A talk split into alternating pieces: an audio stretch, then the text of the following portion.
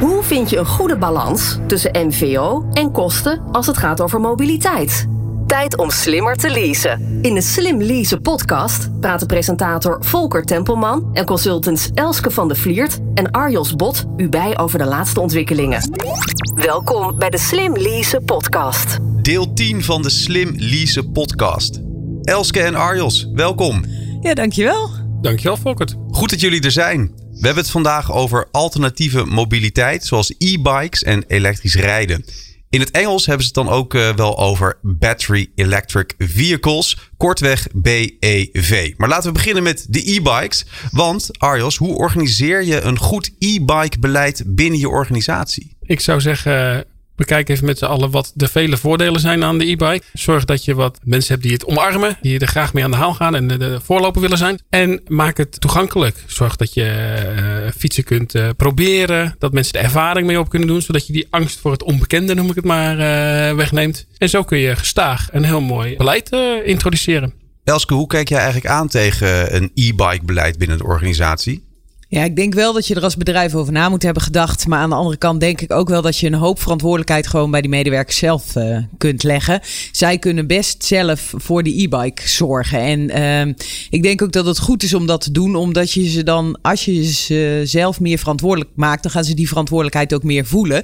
En ja, kijk, als je iets krijgt, hoe waardevol is het dan? Terwijl als je er zelf allemaal moeite voor moet doen. Ja, je hebt zelf die e-bike gekocht en je hebt hem zelf uitgezocht en je hebt hem zelf uh, in de schuur gezet ja, dan ga je hem in mijn optiek ook sneller gebruiken. Dus ik denk dat je als bedrijf best wel behoorlijk veel verantwoordelijkheid daarvoor bij de medewerkers zelf mag leggen en dat je echt niet alles voor ze hoeft te verzorgen. Is dat denk je ook de enige weg om een succesvol e-bike beleid te hebben binnen de organisatie?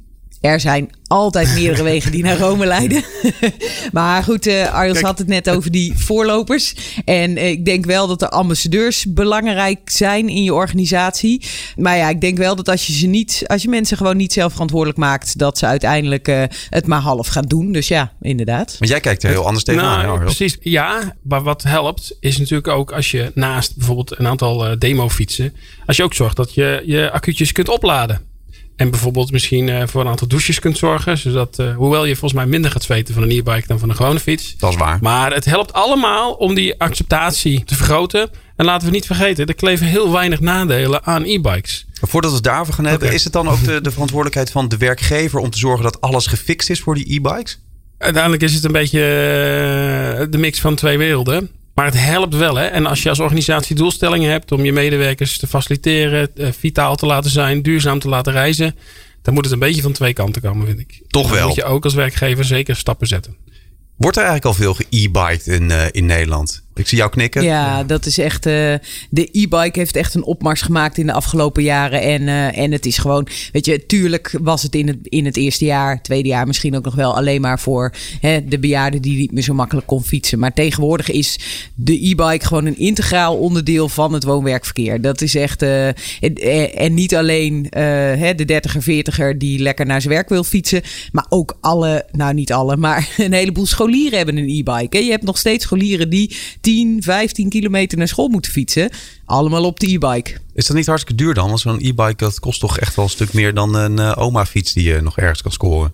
Dat kost best wel wat geld. Uh, maar als je als scholier, dan, dan help je ouders vaak met zo'n fiets aanschaffen. Maar zet je het er tegenaf? Hè? Tegen een ja. gewone, gewone oma-fiets om die vast te houden? Of zet je het af tegen een OV-abonnement? Ja, wat ja. kost een uh, bus of uh, ja. treinabonnement? Een scooter misschien wel. Ja, dus dat, het is maar net vanuit welk perspectief je het bekijkt. Kijk, en zeker als je het hebt over de werkende mens, dan is de e-bike vaak een oplossing tegenover een auto. Nou, een auto is sowieso duurder. Dus wat dat betreft is het uh, dan een heel uh, financieel gunstige oplossing. Wel leuk dat je dat ook noemt, inderdaad. Dat het vroeger nog een beetje was voor de wat meer senioren fietsers ja. op de weg. Inderdaad, dan werd je dan wel eens ingehaald door een omaatje. En dat je dacht van, ja. hoe kan dat nou weer? Ik zie ze nu heel vaak ook met de bezorgfiets rondrijden in de stad. Dat is eigenlijk ook wel heel normaal. En dat heeft ook als reden dat er steeds minder jongeren um, een, um, een, scooter of een bromfietsrijbewijs gaan halen.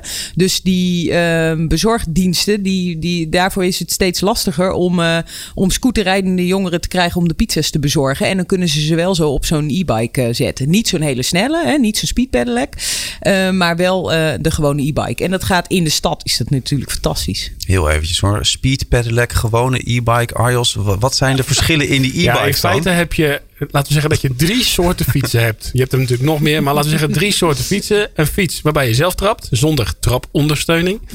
Een fiets, de gewone e-bike, die heeft een accu. En afhankelijk van welke stel, instelling je op je stuur uh, aangeeft, krijg je iets of meer of minder trapondersteuning. En daar kun je tot 25 km per uur mee fietsen. En als derde, dat is de uh, speed pedelec. Dan heb je zeg maar, de, dat is ook wel vaker de duurdere categorie. Dat is die fiets. Dan heb je wederom een accu en trapondersteuning. Maar die kunnen tot 45 km per uur. Dan zit er een, een nummerplaat, een kenteken, sorry moet ik waarschijnlijk zeggen, uh, achter op je fiets. Is die verzekerd. Uh, en heb je een helmplicht. Okay. En die gaan dus echt vrij stil, 45 km per uur. Dat heeft voordelen en mogelijk ook nadelen. Moet je, je daar ook een, uh, een rijbewijs voor hebben voor zo'n speed pedelec? Nou, Volgens mij moet je zo'n bromfietsrijbewijs ja, uh, gewoon hebben. En als je een autorijbewijs hebt, dan mag je ja, ook altijd mag een je erop, ja. Dat klopt. Maar inderdaad. Je maar dat is natuurlijk voor de, voor de bezorgers, want die hebben misschien nog geen rijbewijs, omdat ze die nee, nog nou, geen Nee, dus hebben dan een regulier, een, een gewone e-bike. Tenminste, met een bakje voor of achter waar de spulletjes in gaan. Maar niet een high-speed pedelec. Goed om te weten dit inderdaad, want dan kan je ze dus herkennen op straat. Dan zie je ze met een helpje en denk je, ja, dat is een speed pedelec. En dat is dus geen, dat, is, dat is een snelle. Dat is geen, geen e-bike, e-bike uh, zomaar inderdaad. Dit is de Slim Lease podcast met Volker Tempelman, Elske van de Vliert en Arjos Bot. Waarom zou je eigenlijk een e-bike willen, Arjos? Nou, er zijn verschillende redenen voor. Vanuit de werknemer gedacht zou je dus uh, fiets willen omdat het uh, hip is. Je hoort erbij. Dat het gezond is om buiten te zijn en te bewegen. Het regent namelijk statistisch gezien niet zo heel vaak als je naar je werk gaat of weer terugreist. Mm -hmm. um, het is vanaf 1 januari 2020 fiscaal heel aantrekkelijk om een fiets van de zaak te krijgen. Omdat de bijtelling op de fiets van de zaak naar 7% gaat.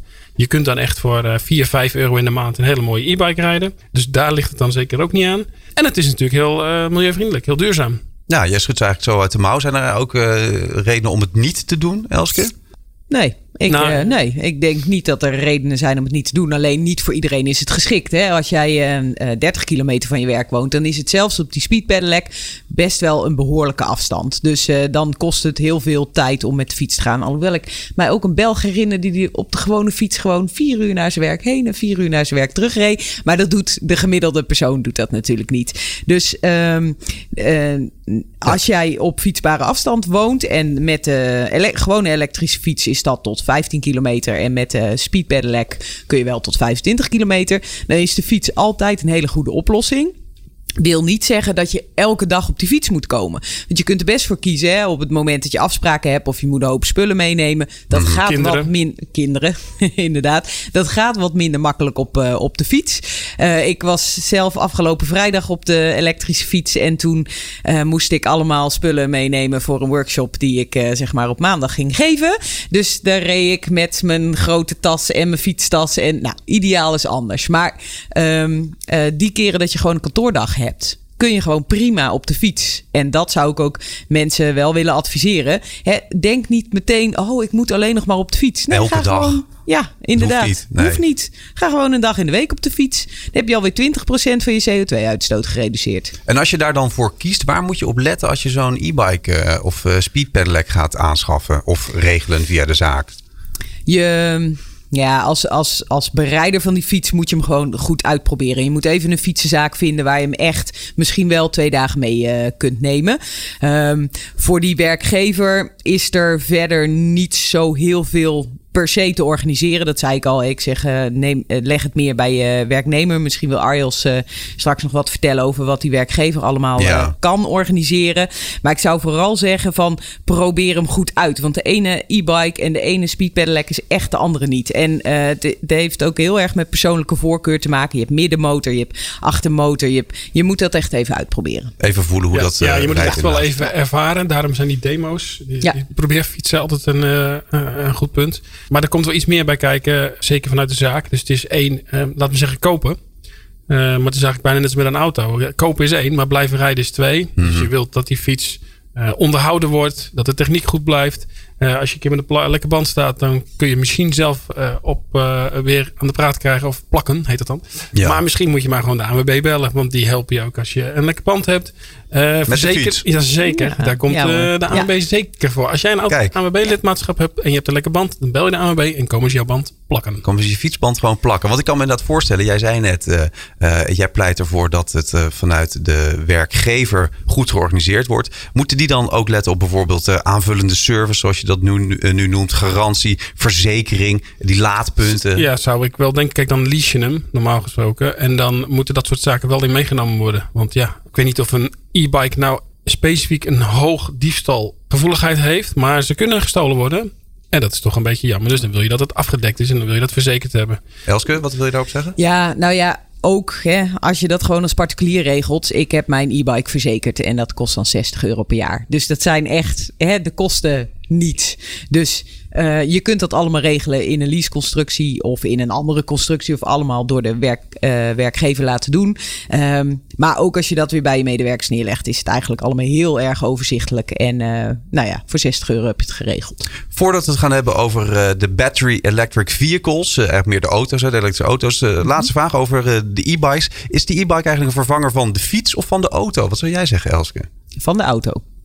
En jij, Arjos? Ja, ik zeg van allebei. Nou. allebei. Ja, ja, als ik nu, uh, als ik naar mijn eigen jeugd kijk, doe ik even nu. Ik fietste daadwerkelijk vroeger 20 kilometer enkele reis naar de middelbare school. Hulde. Nou, voor die personen die dat deden, zou ik ze, ik zou ze nu echt een e-bike toewensen. Dat scheelt een hoop tijd en energie. En je bent toch gewoon buiten en aan het bewegen. Maar natuurlijk is het ook een alternatief voor de auto. Het is ook een alternatief voor de scooter. Het is een hele mooie manier om je in je mobiliteit te voorzien. Waar heel weinig nadelen voor te bedenken zijn. Dit is de Slim Lease podcast. Dan naar de elektrische auto's. Battery electric vehicles. Batterij-elektrische voertuigen. Mag ik ook gewoon zeggen. Ja, hoor. Uh, in het Nederlands. Uh, dat zijn, uh, Elske, gewoon elektrische auto's. Dat zijn gewoon elektrische auto's. Ja, je hebt een, uh, een batterij in die auto. Die voorziet je motor van stroom. En dan kun je rijden. Zoals Zo simpel we allemaal kennen, de Tesla. Zoals we allemaal kennen. De Tesla en de Leaf en de Ioniq. En ja hoor. Ja. Is het eigenlijk, uh, hoe, hoe goed is het eigenlijk dat die Tesla zo bekend is? Het is in mijn optiek heel goed dat die Tesla zo bekend is. Want dat heeft wel echt uh, de markt aan het denken gezet van... oh ja, we moeten nu toch echt wel wat met elektrische auto's. En natuurlijk waren al die autofabrikanten er rustig mee bezig. Geen discussie. Maar doordat Tesla er zo doorheen is komen fietsen... moesten ze echt een hele stap harder er zijn werken. zelfs fabrikanten die hebben aangegeven... dat ze met elektrische auto's zijn begonnen... omdat Tesla zo nadrukkelijk aan de poort ontrammel is. Hè? Zij zien dus dat, dat hebben we echt bedrijf, te danken dan dat aan heb je, dat Elon Musk. Ja, dat hebben we daar echt aan te danken. Ja. En dat heeft er ook eigenlijk wel weer in geresulteerd dat de overheid ook uh, ermee echt mee aan de slag is gegaan. Ja. Dus dat is ook wel een uh, groot voordeel. Dus iedereen kan vinden van Elon Musk wat hij wil, maar dit heeft hij wel eventjes mooi uh, op, de, op de kaart gezet eigenlijk uh, wereldwijd. Dit heeft hij goed zeker, gedaan. Zeker. Battery Electric Vehicles, BEV. Waarom moeten we die uh, faciliteren en stimuleren, Arjos? Vanuit de werkgever misschien wel. Vanuit de werkgever kan zeggen, want de overheid is het nu al nadrukkelijk uh, aan het doen. Hè? Doordat de bijtelling op een volledig elektrische auto beduidend lager is dan op een niet volledig elektrische auto. Zo moet ik het zeggen. Um, maar kijk, vanuit een werkgever. Um, er zijn niet zo heel veel redenen meer om te zeggen: een elektrische auto, een volledig elektrische auto, past mij niet. Tuurlijk, uh, maar daar kunnen we het straks nog over hebben. Wanneer past een volledig elektrische auto misschien niet? Maar als die nou past, namelijk je kunt erin zitten, je kunt comfortabel, veilig van A naar B. Je hoeft echt niet meer te laden, want met de huidige generatie kun je gewoon, dat zeggen, minimaal 300 kilometer echt rijden. Mm -hmm. um, en dan heb je dus dat de kosten van een elektrische auto zijn in de regel goedkoper. Ze zijn lager per maand. De maandlasten, de leasetarief, zeg maar hoe je, hoe je het noemt, zijn lager dan van, uh, in de meeste gevallen dan van een diesel. En strijden met benzine en andere alternatieven zoals aardgas wel om, oké, okay, wie is de goedkoopste? Dat hangt een beetje van het merkmodel segment af. Mm -hmm. Dat varieert. Maar qua kostprijs is het niet meer een issue zoals vroeger. Uh, want de kostprijs van die auto's, maar ook uh, van accu's in zijn algemeenheid, die daalt hard. Um, en het is natuurlijk wederom heel duurzaam. Uh, dus het past wel bij waar je als ondernemer voor wil staan in veel gevallen. Ja, dus ook echt anders dan het een paar jaar geleden was. Want dan Ja. was het misschien wel duur en lastig en eh, Ja. moeilijk om dat voor elkaar te krijgen. Elske, ik wil dan met jou toch ook wel even hebben over misschien wel iets schadelijks van eh, die eh, elektroauto's. Want ja, er zitten hele grote batterijen in. Daar hoor je natuurlijk heel veel dingen over dat die allemaal zo uiteindelijk slecht zijn om, eh, voor het milieu, omdat je ze heel moeilijk kan afbreken. Is dat ook echt zo? Kijk, batterijen zijn niet het milieuvri- milieuvriendelijkste onderdeel van die auto. Dat sowieso niet. Eh, het is wel zo dat we zeker in Nederland goed daarmee om weten te gaan. De ARN, de Autorecycling Nederland, die eh, heeft daar ook wel een protocol voor opgesteld. Eh, dus eh, in Nederland hoeven we niet zo bang te zijn dat die, auto, dat die accu's in het milieu terechtkomen en daar nog eens een keer extra veel schade berokkenen. Maar als je nou naar de hele levenscyclus kijkt van een elektrische auto of van een gemiddelde gewone auto, en daar kun je nog 30.000 kanttekeningen bij plaatsen, dan is het zo dat eh, het, eh, de productie van een gewone auto is ongeveer 15% van de milieubelasting. Het gebruik van de gewone auto ongeveer 80% van zijn totale milieubelasting. En de afdanking 5%. Nou, in totaal gezien, absoluut gezien, is de milieubelasting van een elektrische auto lager. Maar de verhouding is heel anders. Ongeveer 45% zit in de productie van de milieubelasting, in tegenstelling tot die 15%.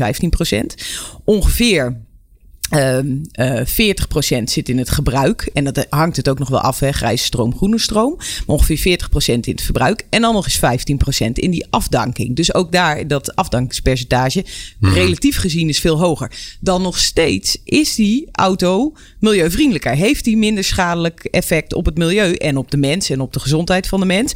Maar eh, het is niet zo dat een elektrische auto alleen maar halleluja is als het gaat om eh, milieu. En ja, die batterij is daar een hele groot, heel groot component van. Ja, want dat wilde ik net even vragen. Ja. Dat, is Ja. het dan die batterij die die percentages zo eh, anders Ja. maakt? Ja, Mag ik daar ook nog iets op inhaken? Altijd. Ehm, ik ben de afgelopen paar jaar op bezoek geweest bij onder andere Nissan, Opel en BMW.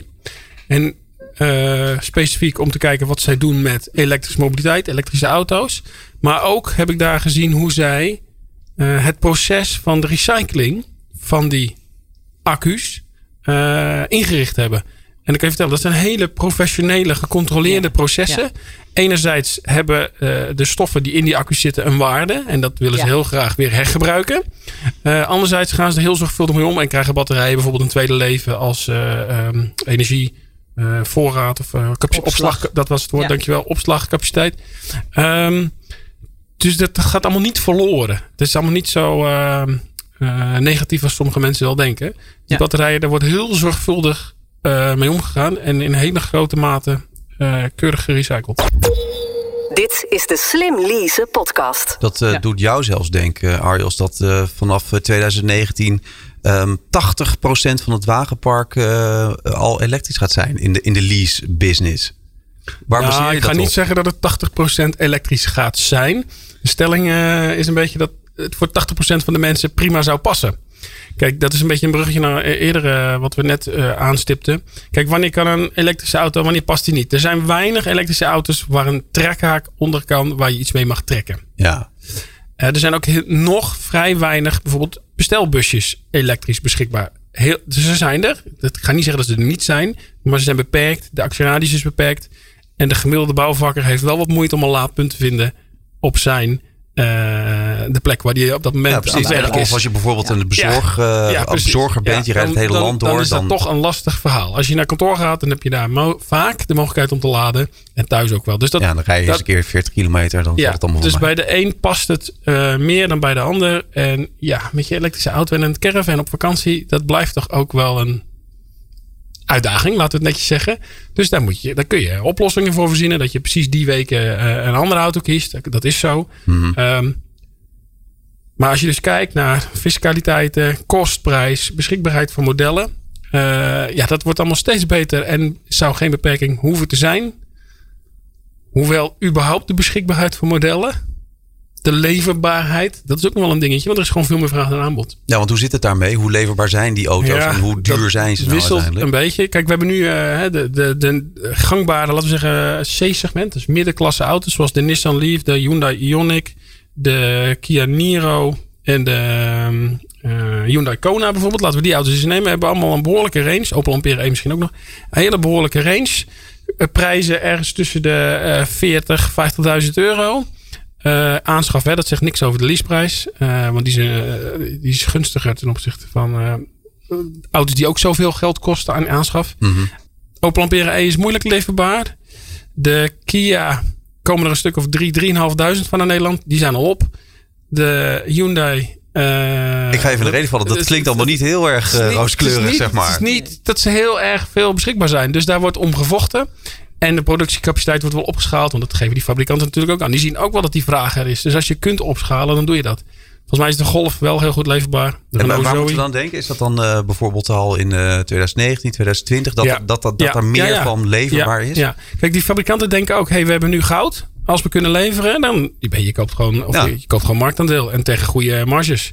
Dus het is wel, het heeft als fabrikant een groot voordeel om nu te kunnen leveren in deze markt. En toch zeg jij, Elske, uh, moeten we veel breder kijken dan alleen maar uh, elektrische auto's. Ja. Waarom zeg je dat? We moeten zeker breder kijken dan uh, batterij-elektrische auto's. ik denk dat je sowieso ook moet kijken naar waterstof-elektrische auto's. maar sowieso denk ik dat het niet goed is om van één ding afhankelijk te zijn. En ehm, ik denk zeker dat je als ondernemer en onderneming en wagenparkbeheerder altijd moet blijven kijken wat is er nou allemaal in de markt beschikbaar uh, en hoe, uh, zodat je ook wendbaar blijft. Dus ik denk, hè, uh, niet voor niks is stadagium verdeel en heers. Dus kijk naar andere mogelijkheden die je hebt. Kijk naar andere opties die er zijn. Um, dat maakt op het moment dat die voertuigen, die batterij-elektrische voertuigen, dan niet geleverd kunnen worden, dan heb je tenminste een backup plan. Dan kun je tenminste uh, schakelen en dan weet je tenminste wat er in de markt nog meer te krijgen is. Wat is er nog meer te krijgen? Dus ook op mhm. waterstof, uh, um, maar wat nog, nog meer? Ja, uh, waterstof, daar is nog niet zo heel veel te krijgen. Maar ik vind wel dat je dat als wagenparkbeheerder nu al mee moet gaan nemen en er nu al over na moet gaan denken. Er is groen gas te krijgen, er is